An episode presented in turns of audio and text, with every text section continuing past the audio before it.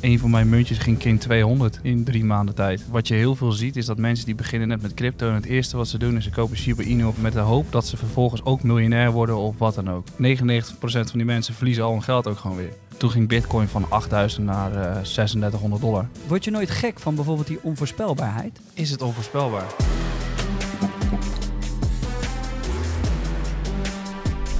Welkom en tof dat je kijkt naar Day One. Dit is onze nieuwe podcast van goud tot bitcoin. Simpel gezegd, we gaan het hier hebben over edelmetalen, crypto, investeringen, ondernemen, alles erop en eraan. Dus blijf vooral kijken, want dit is onze gast van vandaag. Michael van der Poppen, fulltime trader en CEO van het crypto-educatieplatform Eet. Je zou Michael kunnen kennen als de crypto-expert van de Telegraaf. En hij is vaak de gast bij het RTL Z-programma Bulls Bears. En hij was natuurlijk te zien in de crypto-aflevering van de Gierige Gasten, onze Matties. Maar Michael is vooral te zien op Twitter, waar hij zijn analyses op het gebied van crypto en economie deelt. Vandaag is het mijn beurt om met Michael in de wereld van goud en crypto te duiken. Samen met jullie. Hey, welkom bij, uh, bij de podcast van Goud tot Bitcoin. We hebben je intro even gezien. Impressive. Jij behoort tot ja, wat zou ik zeggen, de, de, de grote crypto-influencers van Nederland? Of zeg ik dan iets wat uh, heel beschamend is?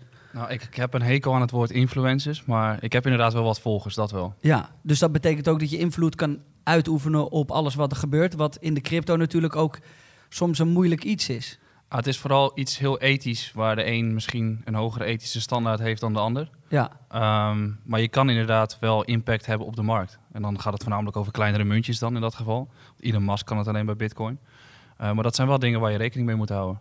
Precies, Michael. Um, Bitcoin, waar is dat ooit voor jou begonnen en waarom? Um, begin 2017.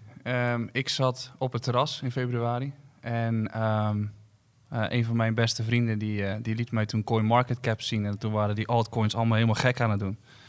En ik heb altijd al een liefde gehad voor aandelen en dergelijke. Dus ik dacht, hé, uh, hey, daar ligt een kans, dat is heel interessant. En diezelfde dag heb ik toen nog Digibyte gekocht. Een hele kleine munt destijds. Die ging toen binnen een week keer vijf. En ik dacht, wow. Hoeveel ik, geld gooide je erin?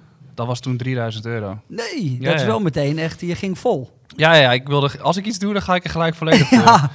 Um, maar dat werd toen 15.000 euro. En toen zat ik boven en toen gingen, wij, ging mijn maat weer, gingen we weer naar het terras. En toen zei, uh, zei ik tegen mijn moeder, hey, het is keer 5 gegaan. Toen zei ze, misschien moet je het verkopen.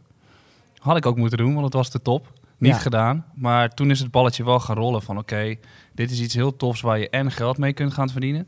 En daarachteraan kwam het hele stuk van, oké, okay, maar wat is het nou eigenlijk? Wat is crypto? Wat doet bitcoin?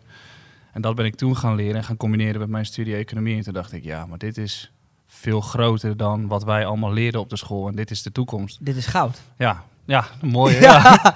ja. nee, maar dat is zo is het gaan lopen. En als je eenmaal ermee bezig bent en een social media kanaal start, dan, dan kan je niet meer terug. Ik word nu ook niet meer voor gewoon Michael aangesproken, maar mijn vrienden noemen me Crypto Michael. Dus um, zo diep zit ik er wel in. En als het je passie is, vind je het ook niet erg om dat te doen. En begon het dan ook uh, bij altcoins, zoals we die nu noemen? Of is crypto uh, voor jou echt bitcoin? Mm, nee, ik ben geen bitcoin-maximalist. Nee, toch? Ik ben, ik ben een portfolio-maximalist, laat ik het zo noemen. Ja, en dus... vo want voordat we even die kant op stappen, want we kunnen heel diep gaan, heel snel. Mm -hmm. uh, en ik probeer eigenlijk hier in deze podcast mensen te overtuigen, of in ieder geval um, uh, iets meer te leren. Dus dat als ze hiernaar hebben geluisterd, dat ze denken, holy shit, dat was interessant. Mm -hmm. En dat probeer ik met de meest interessante gasten te doen. Um, en daar ben jij er natuurlijk één van. Um, voordat we echt starten, Bitcoin. Wat betekent Bitcoin voor jou?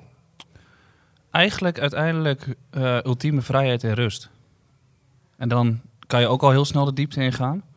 Maar dankzij Bitcoin of Bitcoin ja, aan zich kun je rustig je geld wegzetten voor de lange termijn. Wetende dat het gewoon hard geld is. Wetende dat je lange termijn plannen kunt gaan maken. Um, en uiteindelijk heeft het er ook voor gezorgd dat ik vrijheid heb. Dus, Op wat voor manier? Um, financieel sowieso. Maar ook vrij in de zin van... Ik vind het prettiger om met bitcoin daar mijn geld in te hebben... zodat je alles gewoon kan doen en laten... dan dat je het op een bank hebt staan en dat je daar allerlei belemmeringen in hebt. Ik hou niet zo van ons huidige systeem waar we in zitten, financieel niet. Um, en dankzij bitcoin en crypto kan ik letterlijk alles doen wat ik wil. En dat is niet bitcoin alleen, hè? Nee, maar nee, dat, is, eh, dat is crypto verder ook. En dat is ook alles, alles aanverwant daaraan. Eh, maar uiteindelijk is bitcoin vrijheid. Want waarom zouden mijn vrienden, mijn vader, mijn moeder ehm, bitcoin moeten ownen, hebben, kopen? Ja, moeten hoeft niet. Maar Zo je- lijkt het wel tegenwoordig een beetje. Dat je er niet meer omheen kan. Ja, maar dat is ook een beetje de rol van social media en media aan zich. Want het gaat nu alleen maar over inflatie, waardoor iedereen bewust wordt van het feit dat jouw geld minder waard wordt. En daardoor het gevoel krijgt dat ze iets moeten doen ermee. Dat is een beetje het vaarwater waar we nu in zitten.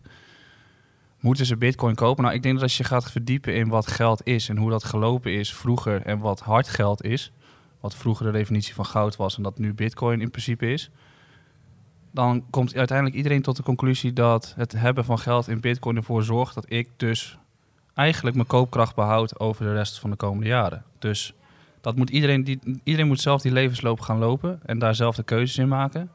Maar uiteindelijk kom je tot die conclusie. Dus als jij je koopkracht wil behouden en jij rust wil creëren in je leven en dus niet in een soort red race terecht wil komen waarbij je in één keer allerlei dingen moet doen om je inflatie te voorkomen of in ieder geval je koopkracht te kunnen behouden, kies voor iets rustigs als goud of bitcoin. Ja, want je pakt ook goud erbij. Ja, Eh, is, is voor jou eh, bitcoin het online goud? Uh, een verbeterde versie.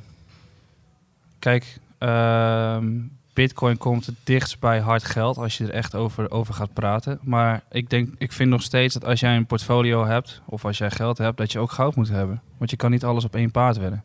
Stel quantum computing komt of iets anders geks. En Bitcoin gaat naar nul of ineens dat die eh, wallets van Satoshi Nakamoto gaan bewegen of wat voor allerlei andere gekke dingen dan ook. Dan kan het gewoon weg zijn. Dus ik vind zeker naarmate je portfolio groeit dat je ook goud moet hebben. Goud is er altijd al geweest. En bitcoin weten we het niet. Heb je zelf goud? Ik heb zelf goud, ja. Wat natuurlijk een, he- een hele, hele simpele vraag is. Eh, ja, ik heb, ik heb meerdere edelmetalen. Ik zit in goud en zilver. Want als jij goud koopt en je gaat wat naar wat grafieken zitten kijken, dan is de waardering van zilver nog een stuk lager. Dus. Ja, En zeker als jij een portfolio bouwt of op een gegeven moment hebt die wat groter is dan, dan 500 euro, dan vind ik dat je daar gewoon keuzes in moet maken die ervoor zorgen dat jij minder risico hebt in je portfolio. hoe verdeel je een goede portfolio? Dat is te moeilijk om te zeggen. Kijk, ehm, als iemand een, een, eh, als een gezin een, een portfoliootje heeft van een paar duizend euro, dan ga je daar een andere keuze in maken dan wanneer jij een portfolio van 50 miljoen hebt. Maar dat, dat, dat moet echt gericht door de persoon zelf gemaakt worden. En dat kan je niet zomaar, zomaar Oké, hoe, hoe, hoe stel je een goede portfolio samen? Ik zal mijn portfolio eh, bestaat voor, eh, denk ik, ehm 25% uit bitcoin, eh 25% uit goud en zilver. Ehm, en daarin 25%, misschien iets meer, 35% vastgoed. Mhm. Ehm, en de rest zijn eigenlijk eh, horloges. eh, ik, ik heb het echt wel breed verdeeld. Omdat het natuurlijk ook dingen zijn waar ik interesse in heb. En er zitten ook trouwens Pokémon kaarten tussen. Dus ik, ik heb een, echt een breed portfolio. En sommige mensen zouden zeggen dat is niet eens een investering of whatever. Maar ik vind het heel leuk om breed te kijken naar eh, wat ik tof vind. Eh, en dat is mijn portfolio. Maar ik, ik zou niemand adviseren om dat op die manier te doen. Maar voor mij werkt het. Mhm. Maar voor iedereen die nu denkt, ja, ik weet net wat een portfolio is. Waar bestaat een soort van voorbeeldportfolio uit van, oké, dit is een goede start. Kijk, eh, de meeste, ik denk dat de vraag vooral is naar mensen die net beginnen met crypto. Want ehm, wat je heel veel ziet is dat mensen die beginnen net met crypto en het eerste wat ze doen is ze kopen Shiba Inu of Floki Inu of en gooien daar al hun geld in met de hoop dat ze vervolgens ook miljonair worden of wat dan ook. Dat is de verkeerde mindset. Want ehm, dat is alleen weggelegd voor dit hele kleine stukje mensen die het geluk heeft gehad om heel vroeg iets te kopen. Dus als jij echt daadwerkelijk gaat beginnen met een portfolio, is het gros van dat portfolio binnen crypto dan alleen ehm, Bitcoin en Ethereum. Ja. En daar, daar, daar zou je mee moeten beginnen. En dan eerst maar eens het gevoel krijgen van hoe de markt werkt. Een schommeling van 30, 40 procent is eh, emotioneel kunnen, kunnen voelen, zeg maar. Ehm, en als dat werkt, dan kun je daar gerichter mee aan de gang gaan. Als het buiten crypto is, ik denk, ja, als ik naar mijn eigen kijk, op dit moment is het nou, nog steeds wel veel in crypto, maar dat, eh, dat, is dus, dat ben ik nu langzaam aan het uitcashen. Commodities, goud, zilver. Ik heb ook eh, uranium. Gaan we het maar niet over hebben verder. Nee, ik durf ook. Ik, ik wil het allemaal zo oppervlakkig mogelijk houden, even. Want we gaan waarschijnlijk nog meerdere keren praten. Er zullen meerdere podcasts ooit komen. Maar ehm, ik heb zoveel vragen natuurlijk. Uranium, ja, lijkt me fantastisch om daar meer over te weten te komen. Want Mhm. je duikt weer een wereld in. Maar dat is wat een hoop mensen vergeten, denk ik. Is dat als je bijvoorbeeld in crypto stapt en je koopt Bitcoin en Ethereum, betekent dat voor mij in ieder geval dat ik me moet inlezen wat Bitcoin is. En me moet inlezen wat Ethereum is. En voordat je dat gedaan hebt en echt weet waar je aan toe bent, dat duurt gewoon even. En voordat je daar gevoel bij hebt. Dus laat staan, als ik, ik heb nu goud heb ik gelezen, ik heb, oh, ik heb over goud gelezen, over zilver, ehm, de juiste boeken. Dan denk ik bij mezelf, ik kan de volgende stap nemen. Maar overal waar ik instap, daar wil ik genoeg van weten dat op het moment dat ik het koop, dat ik ook echt denk, oké, ik koop dit met vertrouwen. En als ik dan bijvoorbeeld nu jou hoor over uranium, daar zou ik morgen meteen alles over gaan lezen. Maar op een gegeven moment is het ook te veel, toch? Ja, dat is dus het punt van, oké, één, wat vind je leuk? Dat is belangrijk voor je eigen portfolio. Nou, jij hebt bijvoorbeeld keuzes gemaakt met horloges en vastgoed en dergelijke. Misschien vinden andere mensen wel kunst mooi. Kan, Ja. you don't know. Um, en daar maak je gewoon keuzes in hoe je je portfolio opbouwt. Maar ik krijg ook genoeg vragen van mensen die zeggen... Yo, wat vind je van deze coin? En dan zeg ik, heb je gelezen waar het fundamenteel over gaat? Huh, wat? Nee, waar kan ik dat zien? Kijk, en die mensen, dat zijn gewoon heel veel goudzoekers... die op zoek zijn naar een verbetering van hun eigen leven... maar niet het werk erin willen stoppen... om daadwerkelijk die stappen te zetten... zodat ze op de lange termijn eh, financieel vrij kunnen worden. Want het is gewoon een heel proces. Zij zijn gewoon op zoek naar die ene quick win en dan klaar. Maar de grap is, als je die quick win hebt, 99% van die mensen verliezen al hun geld ook gewoon weer. Ja, of als je die quick win hebt, dan wil je elke keer dat. En dat gaat natuurlijk niet gebeuren. Nee, ja, ja, het is hetzelfde als wanneer jij nog nooit naar een voetbalwedstrijd bent geweest en je gaat naar Ajax Dortmund, dat je dan in één keer een maatstaf hebt van oké, alle wedstrijden zijn zo. Dat gaat niet gebeuren. Dat gaat hem niet worden, nee. Nee, dus ehm, het, het begint bij je mindset in de cryptomarkt. En de mindset van oké, ehm, dit gaat gewoon echt even de tijd duren. En investeren duurt ook gewoon lang. En waarom is dan ehm, een, een, een goede verdeling tussen goud, bitcoin, zilver, eventueel Ethereum... iets wat eh, voor nu best een, een goede investering zou kunnen zijn? Nou, ik denk dat je één je risico's wilt afdekken en twee je wilt. ehm Want even voordat, want ik heb een hoop, ik lees een hoop en ik zie een hoop. Mhm. Maar eigenlijk hoor ik altijd meer over Bitcoin, Ethereum en, en, en echte crypto's. Dus je hoeft TikTok maar te openen en je wordt ermee doodgegooid. Maar je hoort heel weinig over goud en zilver. Ja, want het is saai. Ja, ik vind het dus niet saai. Als je er dus goed over leest, dan, eh, dan is het zeker niet saai. Want er zit heel veel historie aan vast. Klopt, alleen ehm, eh, het punt is, is dat mensen waar hype is en waar heel veel gains worden gemaakt of heel veel rendementen, dan vliegt iedereen erop. Dat Ja. is waarom crypto zo, zo, zo positief is nu en waarom iedereen het erover heeft. Goud en zilver is gewoon heel steady ieder jaar tik, tik, tik, tik, tik. Het is een hele grote markt, daar worden die gains niet meer gemaakt. Dus is het heel saai. Maar investeren is meestal ook heel saai.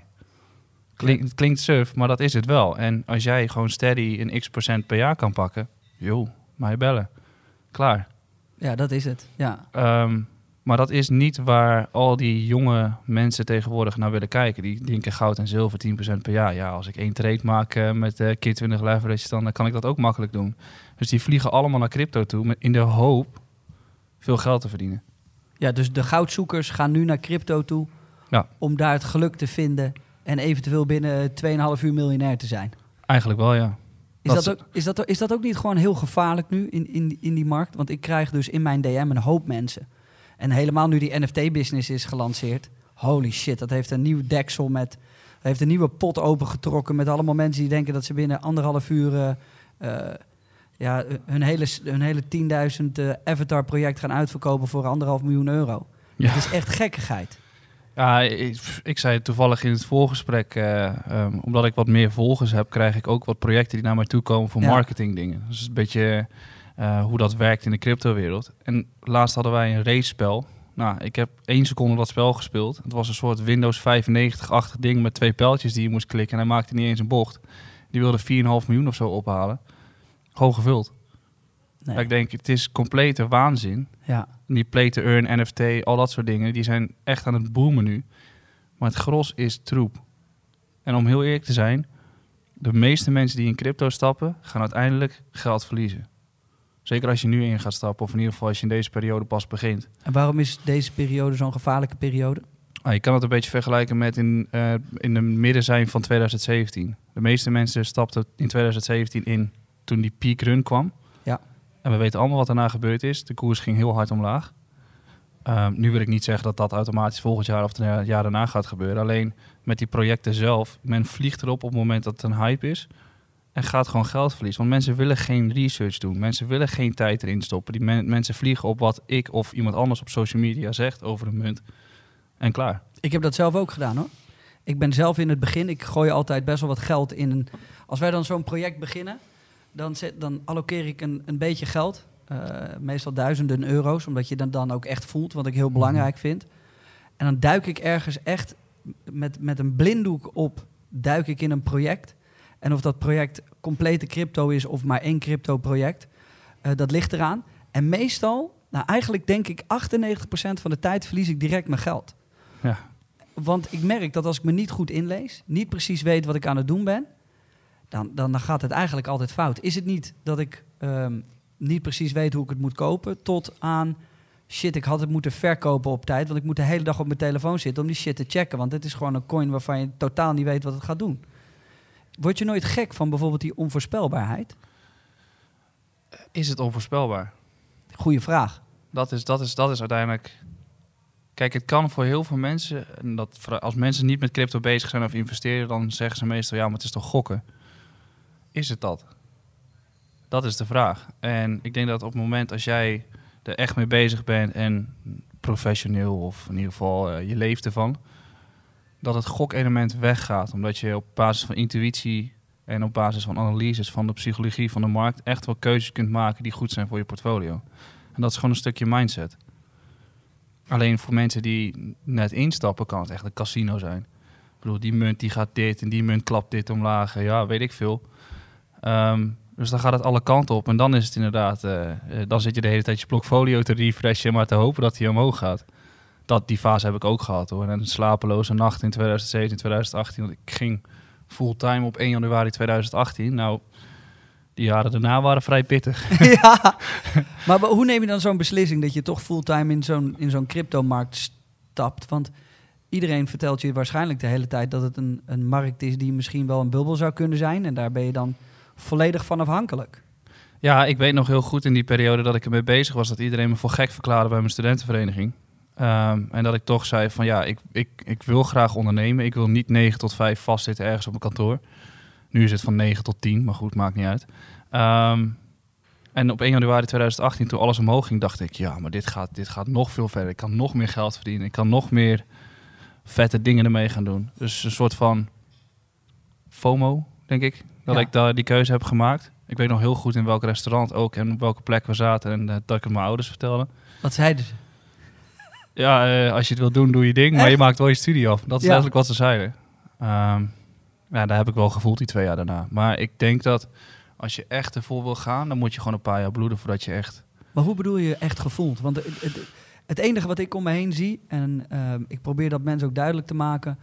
eh, het enige wat ik om me heen zie is, ik verdien veel geld.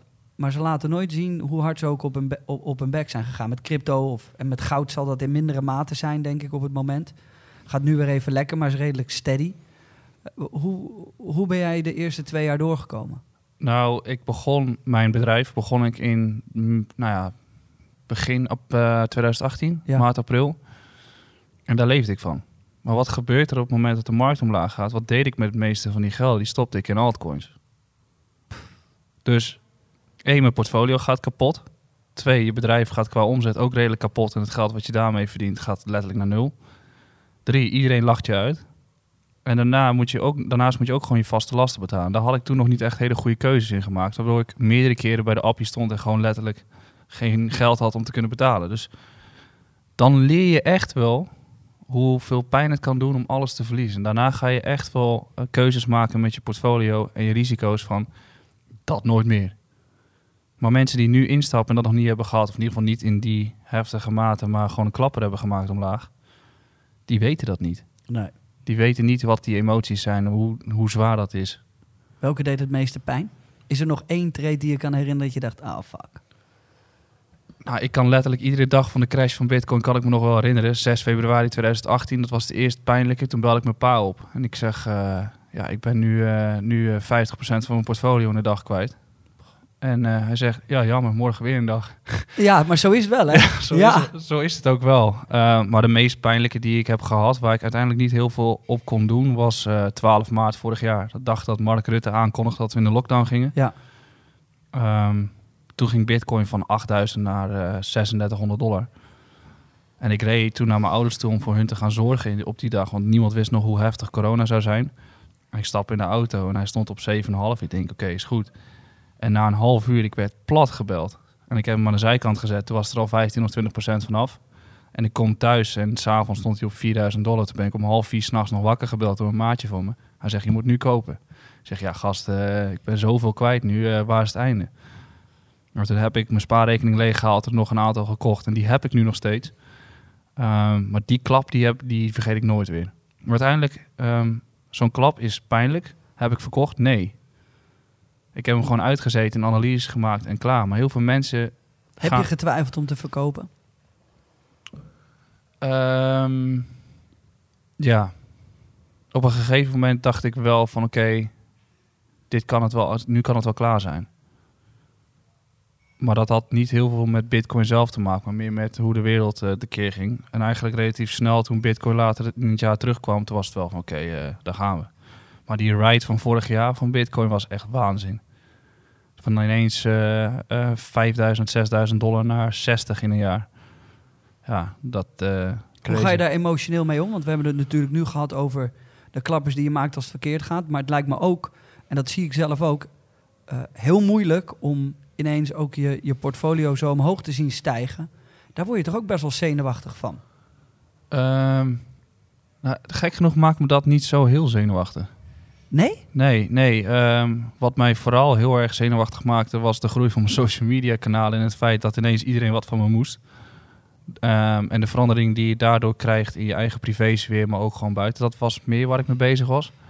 Eh, en financieel, ja, ik heb een van mijn muntjes ging kind 200 in drie maanden tijd. Gewoon, dat was letterlijk puur geluk. Ja. Ehm, een van mijn muntjes, welke was dat? Veracity. Dat is wel een grap. Wij zitten op beursplein 5 Ja. en we hebben zo'n hardcore groepje daar die daar ooit begonnen is. En met z'n allen hadden we die munt gekocht. Ehm, en ik was de laatste die instapte, echt vorig jaar no- oktober, november ergens in die periode. Alleen maar om ze te steken en eh, rendement te verdienen. En die drie maanden daarna ging die keer 200.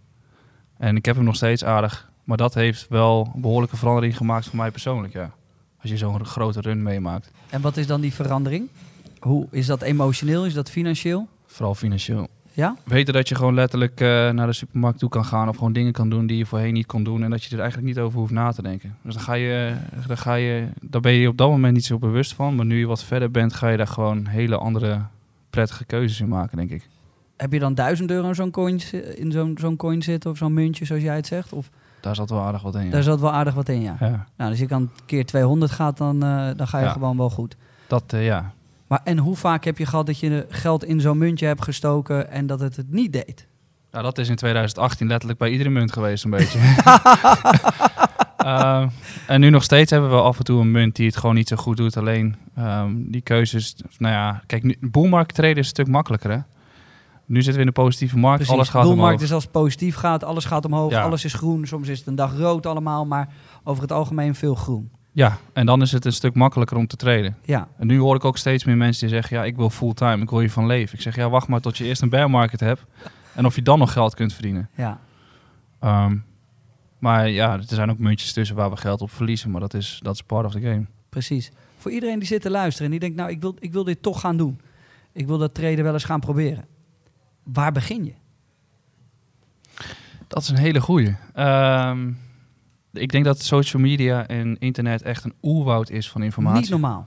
Dat is ook waarom ik dit wil doen, is omdat ik wil eigenlijk gewoon wel vertellen en laten zien dat je gewoon wel eh ongegeneerd boeken moet lezen. Ehm, je moet verdiepen voordat je echt een stap kan maken. Want Ja. iedereen opent nu nogmaals een TikTok, een YouTube of whatever. En ze doen net voor jou een, eh, een leuke video openen of van mij. En ze denken, nou, nu weet ik genoeg, nu vlam ik het erin. Terwijl dat is natuurlijk niet helemaal de waarheid. Nee, maar het ding is ook... Kijk, als ik iets post op social media, dan is dat gewoon een analyse. Maar er zit nog geen strategie achter. Dus als jij echt wil gaan beginnen met traden... Traden is wel wat anders dan investeren. Ja.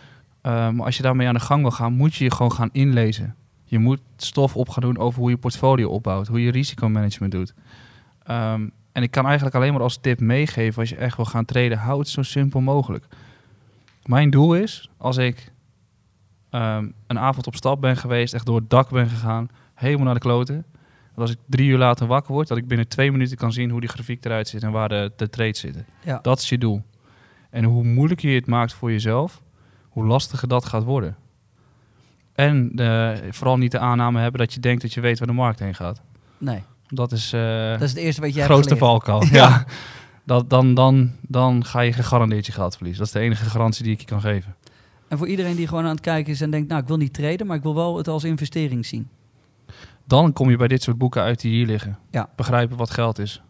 Um, dat is denk ik één laag. Begrijpen wat goud is, wat bitcoin is, wat aandelen zijn. Hoe je, en dan vervolgens hoe je portfolio bouwt.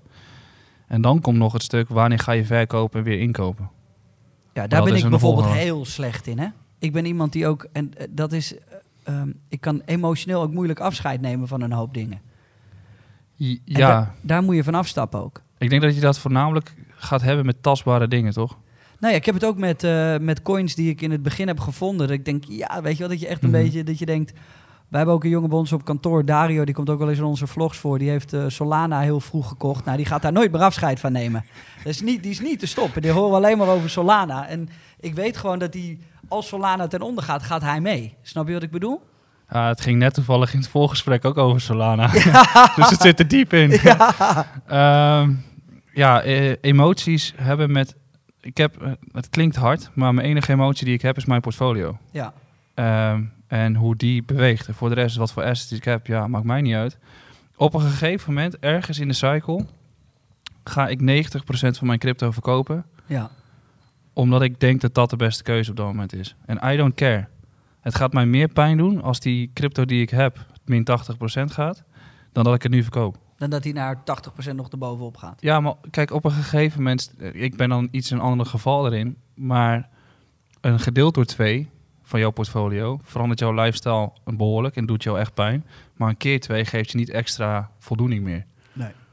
Um, en dat moeten mensen ook gaan begrijpen van oké, okay, als een munt keer 20 gaat, pak gewoon winst. Doe Hoe het. moeilijk kan het zijn? Doe het, ja. Maar mensen denken of ik verkoop alles of ik verkoop niks. Er zit niks tussenin. Nee. Maar je hebt wit, zwart en ook grijs. Je kan ook delen verkopen. Ja. En als je op een gegeven moment gaat begrijpen van oké, okay, als mijn muntje heel hard gaat, ik verkoop nu een deel, ik zet het gewoon in bitcoin. Dan ben je al bezig met portfolio management. Dan ben je al bewust van het feit, okay, ik kan het nu rustig gaan opbouwen. Mijn risico is groot als ik het hou, want het kan ook gedeeld door twee gaan. Ik zet wat weg in bitcoin en klaar. En zo, zo begin je na te denken over je portfolio. En zo maak ik dus ook die keuze. Als ik op een gegeven moment... Ik heb geen aandelen nu. Nul. Als ik op een gegeven moment aandelen wil gaan kopen, doe ik dat.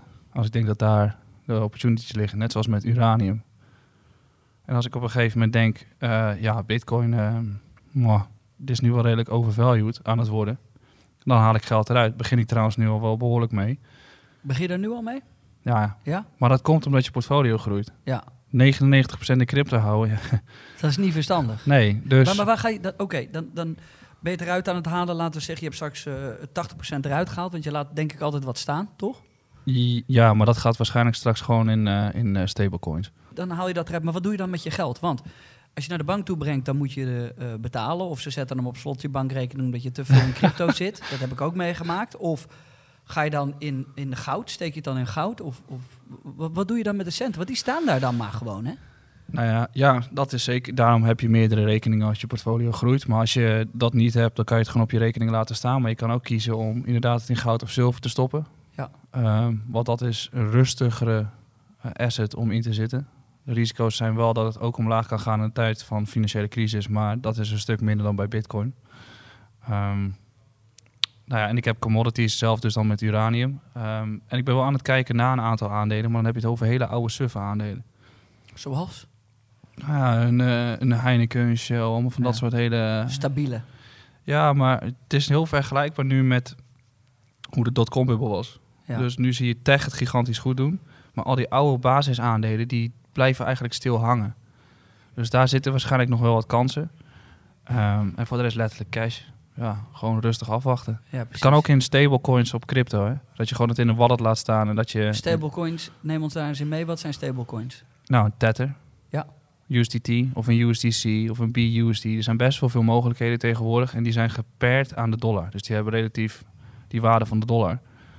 Ehm, en als jij je bank niet vertrouwt, dan kan je altijd nog zeggen van... hé, hey, ehm, ik stop het in een USDT of USDC. Ik zal altijd meerdere doen. En ik zet het op- mijn ledger weg, zo'n hardware Ja. wallet. Dat is ook een manier om gewoon uit de markt te gaan en rustig even af te wachten. En dat is in ieder geval, dat, dat zijn de keuzes die ik ga doen. En voor de rest qua traden, ik denk dat ik ga shorten. Heel onethisch, maar ik denk dat dat wel, eh, dat dat wel de invalshoek gaat zijn. Het, is, het, het is interessant. Er, is gewoon, er gebeurt zoveel dat je bijna in paniek kan raken van wat er allemaal mogelijk is. Dat heb ik wel eens. Dan denk ik, denk, oké, NFT's. Ehm, eh, laten we even crypto in zijn algemeen. Eh, vastgoed. Nou, dan vind ik het ook nog eens leuk om horloges of een Pokémon kaart of whatever. Er is zoveel Ja. dat je gewoon af en toe niet meer weet eh, wat je moet doen en, en waar je bij moet blijven. Nou, ik denk dat dat één ding is. En ook letterlijk iedereen is ermee bezig. Ja. Dus het is een stortvloed aan informatie die je op social media voorbij ziet komen. Dan is het weer zus, dan is het Hoe weer zo. filter jij dat? Ik hou me er totaal niet mee bezig. Ik volg Nee. gewoon mijn eigen plan. Ja. Soms vragen mensen mij wel van, joh, eh, wat vind je van deze analyse? En dan denk ik, ja, eh, leuk, maar ik heb gewoon mijn eigen ding waar ik Ja. me mee bezig ga. Want dat is de enige, enige... Ik kijk bijna geen nieuws. Ik kijk bijna geen analyse van andere mensen. Ik hou me wel in de gaten met eh, wat, wat de hypes zijn. Dus bijvoorbeeld nu Metaverse en de NFT-dingen die allemaal Ja. helemaal gek doen. Daar hou ik me wel mee bezig. Voor de rest heb ik gewoon mijn eigen plan.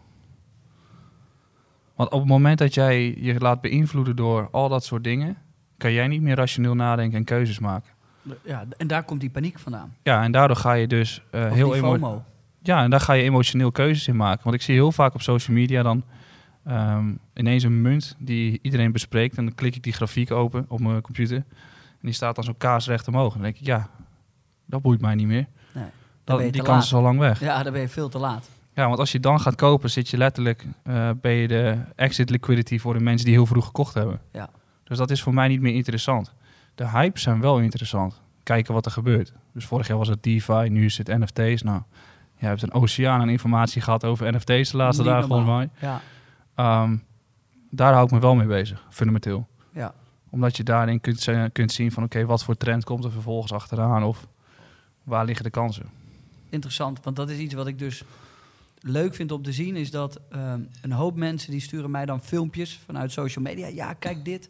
En hij gaat hard. En dan denk ik, ja, maar dan zijn we dus al veel te laat. Dat is niet waar je moet zijn. En dat vind ik zo gevaarlijk aan social media en crypto.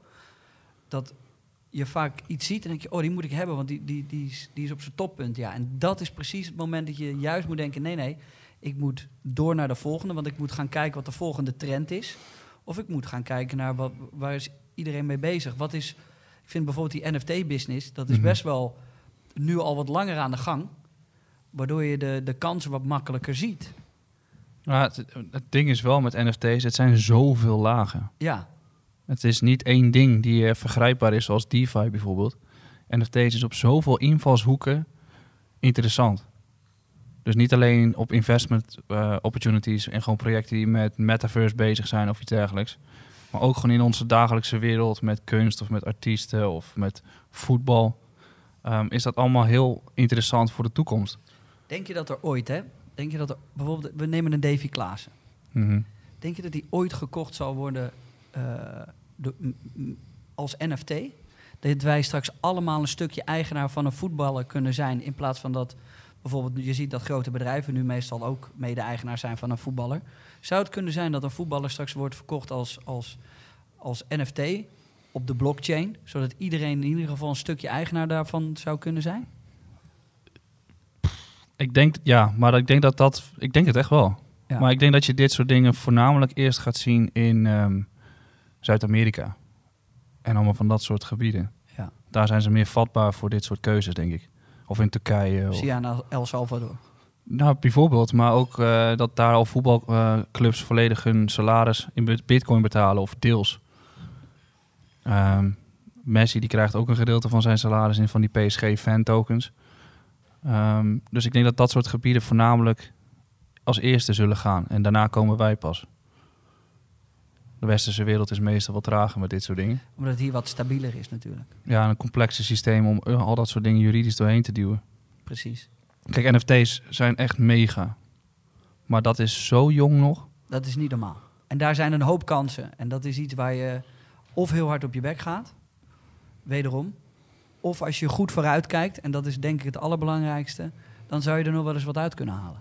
Ja, ik heb vorig jaar natuurlijk DeFi-hype meegemaakt. Mhm. Decentralized Finance. Dat kwam toen heel erg op. En daarna is het weer even doodgebloed. En bij NFT's zal het waarschijnlijk ook zo zijn dat het even een hype is. En vervolgens bloedt het dood. En dat is het moment dat je er echt mee bezig moet zijn. Want twee maanden geleden was iedereen bezig met die crypto-punks. Ja. En die board apes. Ja. Hoor je nu niet heel veel meer over. Dus die beginnen langzaamaan te bloeden. Als er een bear market komt, zijn dat de eerste dingen die je verkoopt. Als die vervolgens laag staan, zie ik daar hele grote kansen in. Ja. En wat NFT verder fundamenteel gaat doen, ja, ik vind het een heel interessant steekspel hoe dat ehm, met, eh, met de overheden juridisch allemaal weggezet gaat worden. Want hoe ga jij een vastgoed object in NFT verpakken op DeFi en daar vervolgens alle, alle wetmatigheden aan toevoegen? Ja, succes. Het gaat, één, het gaat één grote verrassing worden de aankomende jaren. Denk ik wel, ja. Hey, als je nu ehm, vandaag ehm, een portfolio zou moeten starten met eh, wat, ja, wat, ja, wat goud, zilver, crypto, eh, maakt allemaal niet uit. Wat Mhm. zou je doen? Als je nu overnieuw zou mogen beginnen. Dan, geef, dan is het gewoon één portfolio wat ik nu zou zeggen. Maar ehm 40% in crypto, 40% goud en zilver en 20% cash. Duidelijk. Laatste vraag. Waarom Bitcoin blijft bestaan en goud nooit zal vervangen? Waarom is dat? Nooit zou vervangen. Ja. Wow. Waarom? Wat was de vraag? Waarom Bitcoin blijft bestaan en waarschijnlijk goud nooit zal vervangen? Ehm, goud is ook niet vervangbaar omdat het een harde asset is die iedereen gewoon kan voelen, kan dragen. Ehm, maar ik ben het hier, ja, ik denk dat Bitcoin wel groter dan goud gaat zijn en dat iedereen het wel gaat gebruiken, want alles wordt digitaal. Dus of goud moet op de blockchain gezet gaan worden of ergens in die hoek. Anders wordt Bitcoin gewoon veel groter. Dat is het antwoord, toch? Ja, Ja, ja je schrok van de vraag. Ja, je denkt, je- ja. ja, het is, ja, het is het tegenovergestelde van wat ik denk dat er gaat gebeuren, maar goed. Maar dat is het allermooiste, toch? En daarom is deze, hebben ze deze uitgebracht. Mocht jij daar zelf je eigen oordeel over willen vellen en meer over willen weten... en jezelf willen bedenken van, nou, oké, ik heb daar een andere mening over. Dat zou kunnen. Moet je gewoon even lezen, want hierna weet je genoeg om daar eh, antwoord op te kunnen geven. Een fijn boek. Ehm, ik heb hem gelezen. Ik heb er weer eh, heel veel uit geleerd. Het is een goede basis, denk ik. Ehm, waar kunnen we jou vinden? Ehm, alle social media kanalen. En dan onder de, onder de nickname Crypto Michel. Ehm, daar kan je mij op eh, Twitter, YouTube en Instagram overal vinden. Ga er even checken. Je hebt het de laatste tijd vooral veel over altcoins. Maar altijd. Ja, precies. Maar dat is omdat iedereen ermee bezig is. Ja. Is dat, is dat, ga, je dan, ga je dan mee met een, met een hype? Of is dat iets waarvan je denkt, fundamenteel sta ik, daar, eh, sta ik daarvoor? Nou, het is meer mensen informeren over eh, waar ik denk dat bepaalde altcoins heen gaan en waar de kansen zie zitten. Dus eh, bijvoorbeeld, ehm, als je terugkijkt in de historie, Q1 van het jaar, dus het eerste kwartaal, is meestal een hele goede periode voor altcoins. Dus dan vertel ik daarover en haal ik de data erbij om mensen te informeren. Ja. En dan zijn er ook periodes waarbij altcoins het niet zo goed doen. En dan deel je dat ook en dan word je kapot geschoten. Maar goed, dat hoort Dat bij het hoort vak. erbij, ja, ja, ja. Ehm, Cardano naar 20. ja, nou ja, ik heb ook voorbij zien komen dat Cardano naar 1000 dollar gaat ergens op YouTube. De, de Cardano heb ik veel en die doet nu wel pijn nog steeds hoor. Dus ik weet niet wat, die blijft maar liggen. Ja, maar daar zie ik dus nu wel weer kansen binnenkort in. Ja, Die dingen gaan gewoon in waves. En dan op een gegeven moment komt er weer een run omhoog. En ik denk dat dat in de Q1 gewoon weer rustig gaat gebeuren. je moet alleen de ballen hebben om het vast te houden en erin te geloven. En dat is, het, dat is de reden waarom het zo belangrijk is dat je inleest. Ja, en op een gegeven moment ook gewoon verkopen dus. ja, ja dat, heb- dat moet ik nog leren. ja, als je dat ook gaat leren en gaat doen, ja. dan eh, wordt het een stuk leuker, denk ik. Ik wil je bedanken voor, eh, voor deze podcast. Ik hoop je de volgende keer weer te mogen ontvangen. Dan gaan we wat langer en wat dieper op alles in. Maar voor we afsluiten, drie van je favoriete altcoins. Chainlink, Polkadot, Cosmos. Kut, ik heb alleen de eerste twee. Oké, ik ga, eh, ik ga, ik, ik moet weer lezen. het is echt, als je dit zegt, dan moet ik gewoon weer gaan lezen. Dan ga ik me weer voorbereiden. Dan ga ik kijken eh, wat ik ervan vind. Het zijn Dankjewel. hele toffe projecten, dus eh We spreken elkaar snel. is goed Thanks. man, dankjewel.